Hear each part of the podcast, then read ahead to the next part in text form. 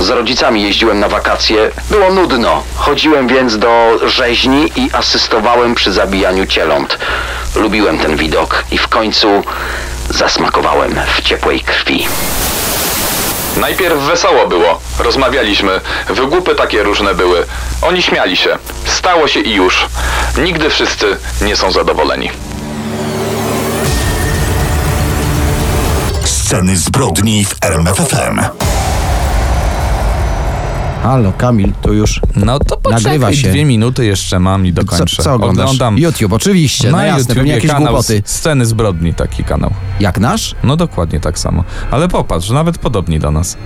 Nie, no przystojniejsi, gdzie tam nam do nich, proszę pana. No ale można ich obserwować, dałbym im szansę. Ale ty widzę, już nawet suba wcisnąłeś. No tam się daje suby, na innych platformach streamingowych się obserwuje, ale Ja jednak zachęcam, żeby słuchać, żeby słuchać oryginalne sceny zbrodni. Najpierw w radiu RMFFM w każdą niedzielę po 22, a tuż po północy trafiamy do podcastu. No i właśnie teraz dla was podcast numer 19. wracamy w nim do alfabetu polskich seryjnych morderców. Dzisiaj literka K.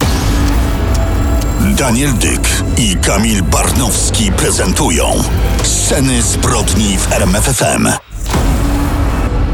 Wracamy do tego najmroczniejszego zestawienia, ale zajmiemy się tylko literą K. No właśnie, to, to też warto sprawdzić, tak myślę, statystycznie. Może to ma jakiś związek. Jak masz nazwisko na literę K, jesteś być może potencjalnym seryjnym mordercą. No Może to- trochę to ryzykowna teza w kraju, w którym do niedawna najwięcej było Kowalskich. Poza tym na naszej liście jest też bardzo wielu morderców na literę M. No i to zabrzmiało jeszcze bardziej creepy. Kowalscy i Nowakowie, wiesz, no. Nie na literę N, Jak Nowak? tylko na literę M jak Marchwicki. Literą M zajmiemy się w którymś z następnych scen zbrodni, na pewno jeśli chodzi o, o, o ten mroczny alfabet. Ale Marchwicki, morderca znany jako wampir Zagłębia, też się musi dzisiaj pojawić na chwilę, bo przecież powiemy wam o jego, o jego naśladowcy, y, uczniu. Można powiedzieć o jego fanie. Wampir z Bytomia się pojawi. I od niego zaczniemy? Nie, nie, trzymamy się alfabetu, zaczniemy od Kłosowskiego i może nazwisko nic wam y, nie mówi, ale zapewniam, znacie go pod pseudonimem. To jest być może najsłynniejszy, najbardziej znany seryjny morderca świata. Tego mu nie udowodniono, Ale był, podkreślam. był wśród tych najbardziej podejrzewanych, że to on jest tym słynnym londyńskim Kubą rozpruwaczem. Zaraz szczegóły.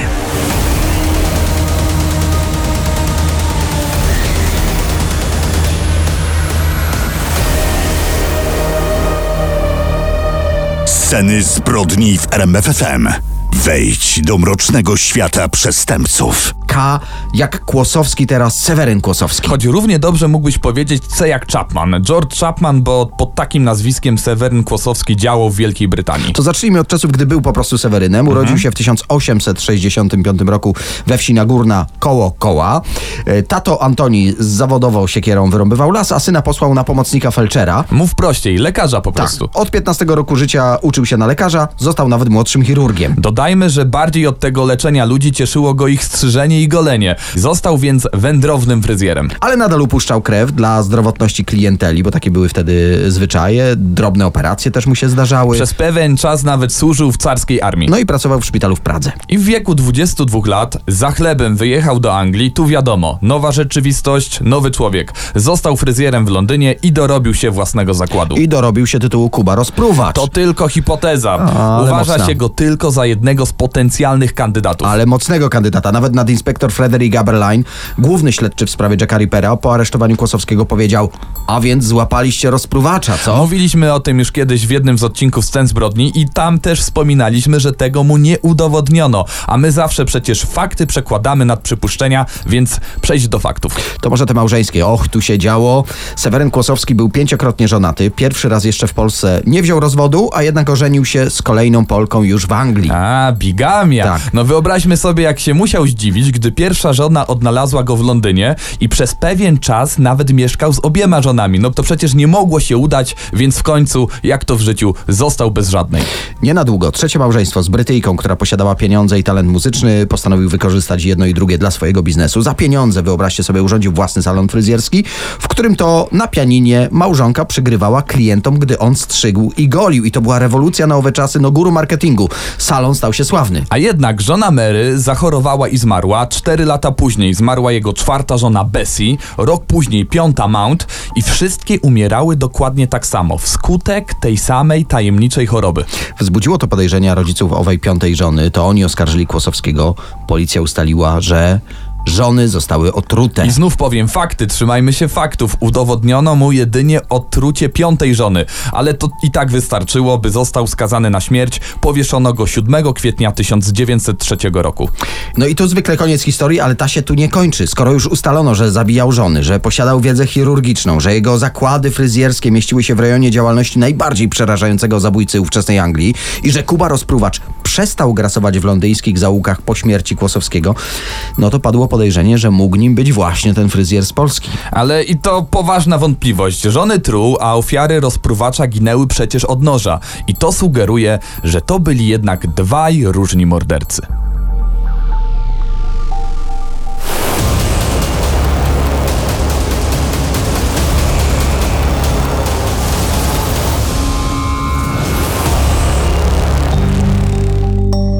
Sceny zbrodni i dziś w naszym alfabecie polskich seryjnych morderców litera K, K jak Knychała. Joachim Knychała, bardziej znany jako wampir z Bytomia. Choć prasa nazywała go też Frankensteinem, z tego co pamiętam. Urodził się w 52 roku w Bytomiu, tato Polak, mama Niemka. I właśnie babcia ze strony mamy nie mogła zaakceptować, że córka poszła za Polaka, wyładowywała swoje niezadowolenie głównie na wnuku.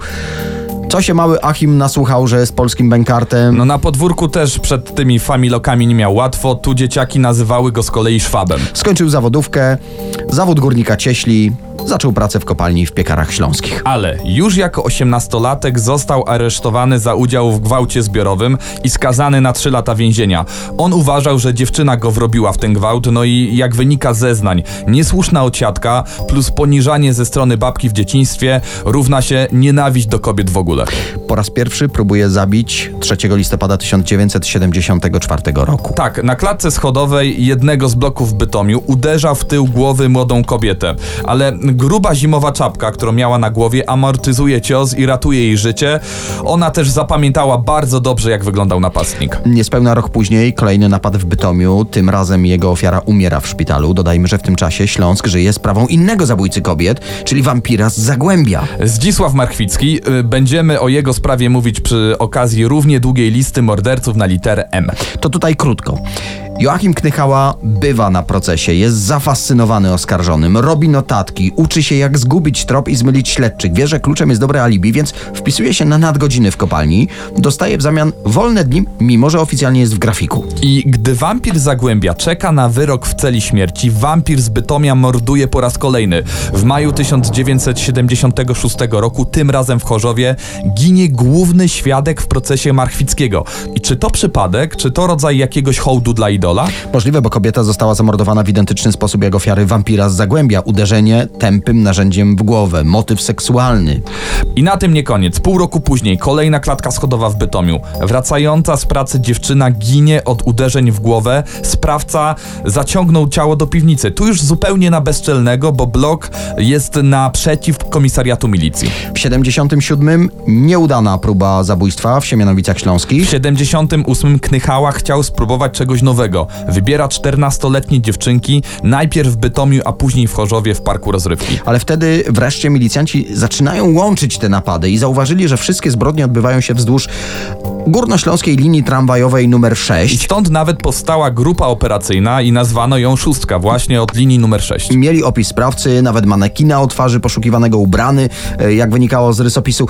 Jeździli więc tramwajem numer 6 i wypatrywali czujnie. Ale mimo tych gigantycznych poszukiwań doszło do kolejnego napadu i jeszcze jednego, tego najbardziej brutalnego. Lato 79 rok, w lesie w Piekarach Śląskich knychała napad dwie dziesięcioletnie dziewczynki.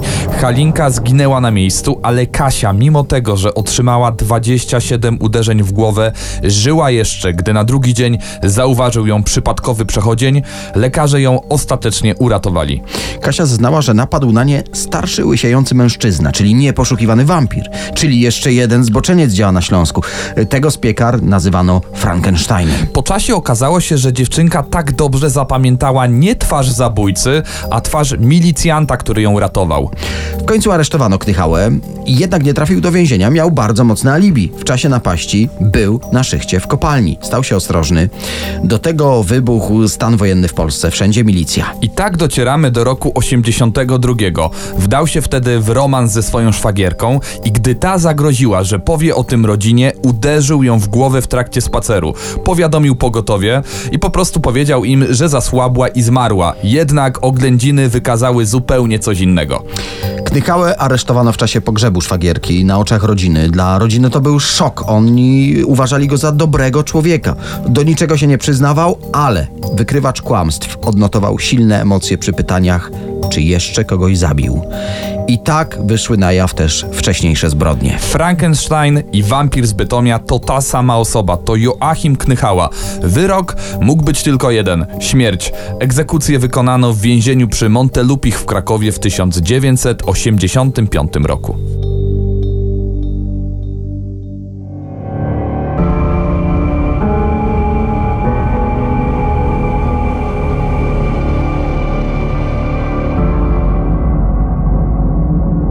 Tym razem seryjny morderca i nekrofil Edmund Kolanowski, Poznaniak, rocznik 1947. Jego życie jakoś tak się potoczyło, że od małego często bywał na cmentarzu. Matka zabierała go na grób jego starszego braciszka, który zmarł w wieku dwóch lat, a w szkole, no co tu dużo gadać, daleko mu było do prymusa. No chyba, że uznamy, że tak pilnie się uczył, że aż trzy klasy powtarzał po dwa razy. No może po prostu chłopak nie miał czasu na naukę, bo od 11 roku życia odkrył w sobie prawdziwą pasję do sekcji zwłok. Podglądał je w poznańskim szpitalu, a gdy miał 15 lat, zaczął zaczepiać kobiety w centrum miasta. Był skazany na poprawczak, była próba samobójstwa, z której go odratowano, było więzienie za pobicie, w końcu trzy napaści na kobiety nad jeziorem Rusałka, bicie, kopanie, rany od noża.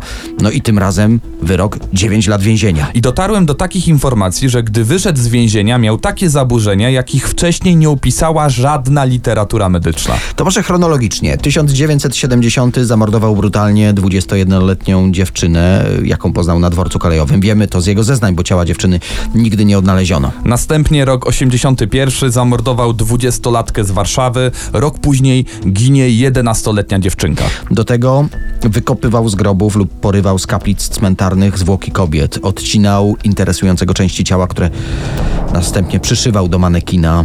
Do czego służył mu ten manekin, nawet nie chcemy zgadywać. Milicjanci przygotowali zasadzkę na cmentarzu, ale on znał to miejsce zdecydowanie lepiej od nich i uciekł. Jednak zgubił kartkę z nazwą zakładu pracy, w którym był palaczem i tak po nitce do kłębka dotarli do niego. Przyznał się do zabicia dziewczynki, może nawet wyraził coś na kształt żalu. Z akt sprawy y, wynika, że powiedział: Teraz myślę, że chyba źle zrobiłem. Chyba, tak? Przed sądem jednak odwołał wcześniejsze zeznania. Trafił na obserwację do szpitala psychiatrycznego. Tam sam siebie nazywał zimnym chirurgiem.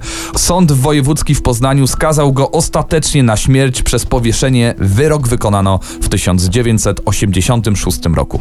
I dodajmy, że został pochowany na cmentarzu, który często odwiedzał za życia, na cmentarzu Miłostowo w Poznaniu.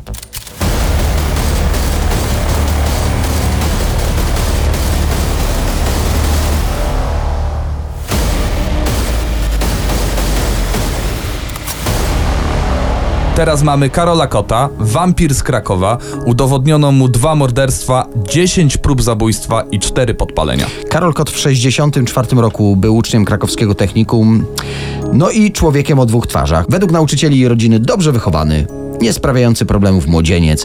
No taki, co zapewne zawsze dzień dobry mówił. Natomiast jego koledzy mają o nim zupełnie inne zdanie.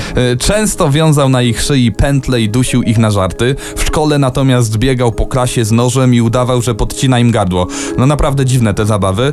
Rówieśnicy nazywają go lolem rozpruwaczem albo krwawym lolem. Zresztą on sam sobie te wszystkie pseudonimy wymyślał. Po raz pierwszy zaatakował 21 września 1964 roku w krakowskim kościele sióstr Sercanek. Podszedł po prostu prostu od tyłu do modlącej się kobiety, dźgnął ją bagnetem. I to był tak precyzyjny cios, że ofiara dopiero w domu po ściągnięciu kurtki zorientowała się, że krwawi. Dwa dni później w ten sam sposób zaatakował kolejną kobietę, która miała szczęście, przeżyła, ale już do końca życia poruszała się na wózku inwalidzkim. Jego pierwszą ofiarą śmiertelną była 86-letnia Maria P. Karol Kot zaatakował ponownie bagnetem, gdy staruszka czytała nekrologii pod kościołem. W Krakowie zapanowała prawdziwa psychoza strachu. Tak, kobiety, żeby się chronić, poruszały się tylko w grupach, a niektóre na wszelki wypadek nosiły pod kurtkami pokrywki od garnków. Naprawdę tak było. Dwa lata później wampir z Krakowa niestety znów zaatakował. Tym razem zamordował 11-letniego Leszka. Chłopak jeździł na sankach niedaleko Kopca Kościuszki. No i jak tak dobrze się wychylimy przez okno, to, to widzimy to miejsce. Tam odbywały się szkolne zawody sportowe. Karol zadał dziecku kilka ciosów nożem. Leszek zginął na miejscu. Tym razem znalazł się świadek morderstwa, który bardzo dokładnie opisał napastnika, no ale milicja nie dopuszczała myśli, że, że takim zbrodniarzem może być zwykły nastolatek. Dlatego grasował nadal, zmienił teraz swój modus operandi, tym razem polował na dzieci. Dwa miesiące później zaatakował siedmioletnią dziewczynkę, ale mimo wielu ran w okolicy serca udało się jej jakimś cudem przeżyć i doczołgała się do domu. Po tym ataku na milicję zgłosiła się koleżanka Karola Kota z klubu strzeleckiego. Chłopak miał jej się pochwalić swoimi zbrodniami, groził też jej osobiście nożem. Początkowo traktowała to tylko jako, nie wiem, żart, przechwałki. Funkcjonariusze jednak poszli tym tropem. I tak doszło do przeszukania jego mieszkania i tam znaleźli broń, atlas anatomiczny z zaznaczonymi najbardziej czułymi punktami na ciele człowieka. No, normalny uczeń czegoś takiego w swoim domu raczej nie trzyma. W trakcie śledztwa ustalono, że to on jest poszukiwanym nożownikiem z Krakowa. Ale na tym nie koniec, bo milicjanci odkryli również, że nastolatek otruł swojego kolegę z klasy. Po prostu w jednym barze dolał do naczynia z octem truciznę. Podczas przesłuchań mówił, że gdyby tylko mógł, to mordowałby dalej. Mm, opisuje swoje chore fascynacje krwią. E, Z rodzicami jeździłem na wakacje do Pcimia, to taka dziura pod Myślenicami. Było nudno, chodziłem więc do tamtejszej rzeźni i asystowałem przy zabijaniu cieląt. Lubiłem ten widok i w końcu zasmakowałem w ciepłej krwi. W trakcie wizji lokalnej zachowuje się jakby był wręcz dumny z tego, co zrobił. Uśmiecha się do kamery, dokładnie pokazuje, gdzie i jak mordował. Psychiatrzy nie stwierdzili u niego żadnej choroby psychicznej. Niektórzy stawiali pod znakiem zapytania jego poczytalność. Został skazany na śmierć przez powieszenie. Wyrok wykonano 16 maja 1968 roku. I jeszcze jedna historia, bo w wielu źródłach można natrafić na informację, że w trakcie sekcji zwłok u Karola Kota odkryto rozległy guz mózgu i według tej wersji to właśnie choroba spowodowała, że w wampirze z Krakowa obudził się morderca. No ja nie zgadzam się z tą teorią. Natrafiłem, przygotowując się do tego programu na książkę Przemysława Semczuka i on pokazał, że od stracenia Karola Kota do umieszczenia jego zwłok w domu pogrzebowym minęły tylko dwie godziny. No niemożliwe było to, żeby w tak w krótkim czasie wykonać dokładną sekcję zwłok. Dodatkowym argumentem jest to, że w tych czasach no nie było procedur, które nakazywałyby sekcji w przypadku no straceńców. tak, przyczyna śmierci jest jakby znana. Dodatkowym koronnym wręcz dowodem ma być fakt, że nie ma żadnego oficjalnego dokumentu potwierdzającego przeprowadzenie sekcji zwłok u Karola Kota.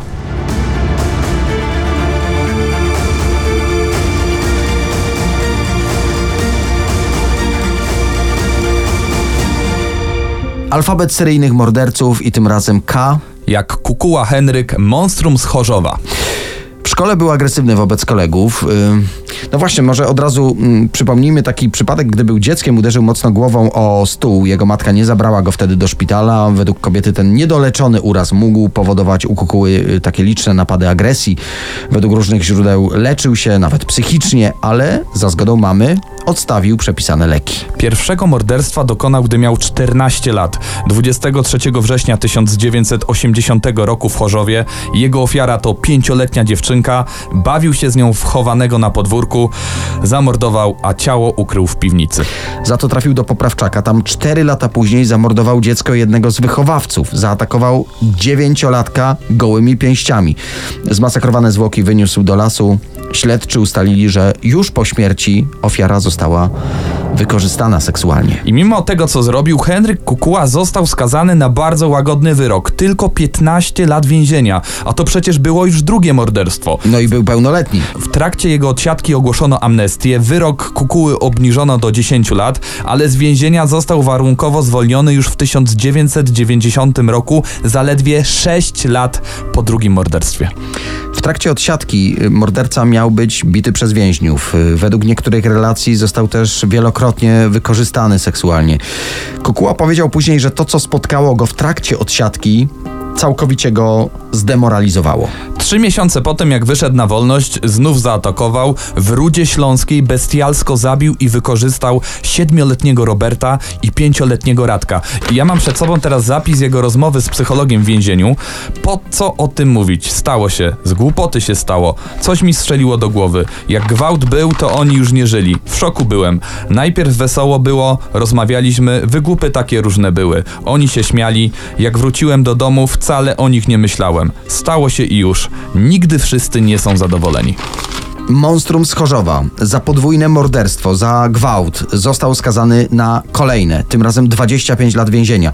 W trakcie odsiadki zaatakował strażnika więziennego, za to dostał dodatkowy rok kary. Doliczono mu również prawie 4 lata poprzedniego wyroku. Podsumujmy. Seryjny morderca, pedofil, gwałciciel ma wyjść na wolność z więzienia w maju tego roku, ale najprawdopodobniej zostanie objęty tak zwaną ustawą o bestiach. Sąd okręgowy w Rzeszowie na wniosek dyrektora zakładu karnego, w którym aktualnie przebywa, uznał, że monstrum z Chorzowa wciąż stanowi zagrożenie dla społeczeństwa.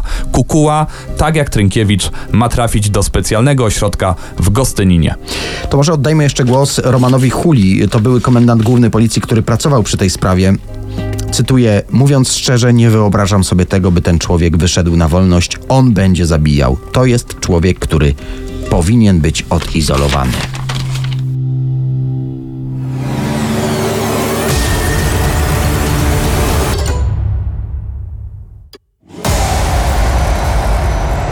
Alfabet polskich seryjnych morderców. No i y, niespodzianki nie będzie, nadal litera K, kajak. Kwaśniak Tadeusz, y, ręcznikowy dusiciel. Zamordował i wykorzystał seksualnie pięciu chłopców. Jeszcze więcej dzieci wykorzystał i usiłował zamordować, a grasował na terenie całej Polski od Krakowa po Szczecin. Zawsze działał w ten sam sposób. Zaczepiał chłopczyków na ulicy, często przed szkołą, mówił, że jest znajomym rodziców i musi wejść do mieszkania, żeby przekazać im list albo jakąś inną przesyłkę. Po zamknięciu drzwi dusił swoje ofiary mokrym ręcznikiem i wykorzystywał seksualnie. W mieszkaniach, w których mordował, zostawiał napisaną wiadomość na kartce, jakiś liścik o treści zemsta. Do jednego mieszkania wysłał nawet list, w którym napisał zemsta, wykrzykniki czekałem 14 lat. Na szczęście kilku z chłopców, których zaatakował ręcznikowy dusiciel, przeżyło. Dzięki ich zeznaniom wykonano bardzo dokładny portret pamięciowy. Co więcej, połączono jego wszystkie zbrodnie i zorganizowano poszukiwania na ogromną skalę. Pamiętajmy, początek lat 90. nie było jednej bazy danych, jednego cyfrowego rejestru, który można w prosty sposób przeszukać. To była bardzo ciężka, żmudna robota. Nie można było zrobić Ctrl F. Wtedy ostrzegano dyrekcję szkół, y, uczniów. Ja pamiętam, moi rodzice dawali mi wykłady, a jestem z pokolenia dzieciaków biegających z kluczem na szyi, żeby nie wpuszczać żadne przesyłki. Wszyscy obcy, dorośli, uciekać jak najdalej. Nawet zrealizowano o nim odcinek programu 997. Panował wtedy gigantyczny strach w Polsce. Policyjna akcja miała kryptonim Zemsta, to wszystko przez te liściki. Za pomoc w ujęciu kwaśniaka komenda policji w Poznaniu ustaliła nagrodę w wysokości ówczesnych 5 milionów złotych. Ręcznykowy dusiciel e, jednak widocznie nie oglądał telewizji, albo też nie czytał pracy, albo nic sobie z tego nie robił. Nie zmienił absolutnie swojego sposobu działania i nadal grasował po całej Polsce. Zaatakował jeszcze na Śląsku i we Wrocławiu. Ostatecznie został złapany w kwietniu 91 roku po sygnałach od uczniów, że idące do szkoły dzieci na osiedlu Rusa były zaczepiane przez jakiegoś mężczyznę. Podczas przesłuchań przyznał się do wszystkich ataków, do wszystkich morderstw, przyznał się także do wielu kradzieży. Sąd nie zdążył go skazać. 24 lipca 91 2001 roku Tadeusz Kwaśniak powiesił się w więzieniu na bandażu. Ale wróćmy na chwilę jeszcze do listów, które zostawiał. Pisał tam, że to zemsta. Zemsta właściwie za co, możecie Tak naprawdę pytać? są dwie hipotezy. Pierwsza to zemsta na znienawidzonym ojcu, który się na nim bardzo wyżywał w dzieciństwie. To zemsta na nim i na całym świecie, który do tego dopuścił. A druga wersja mówi, że jest to zemsta za gwałt, którego był ofiarą w więzieniu. Pamiętajmy, że przed rozpoczęciem morderczej serii Kwaśniak spędził 12 lat w więzieniu we Wronkach. Odsiadywał tam karę za wielokrotne napastowanie kobiet.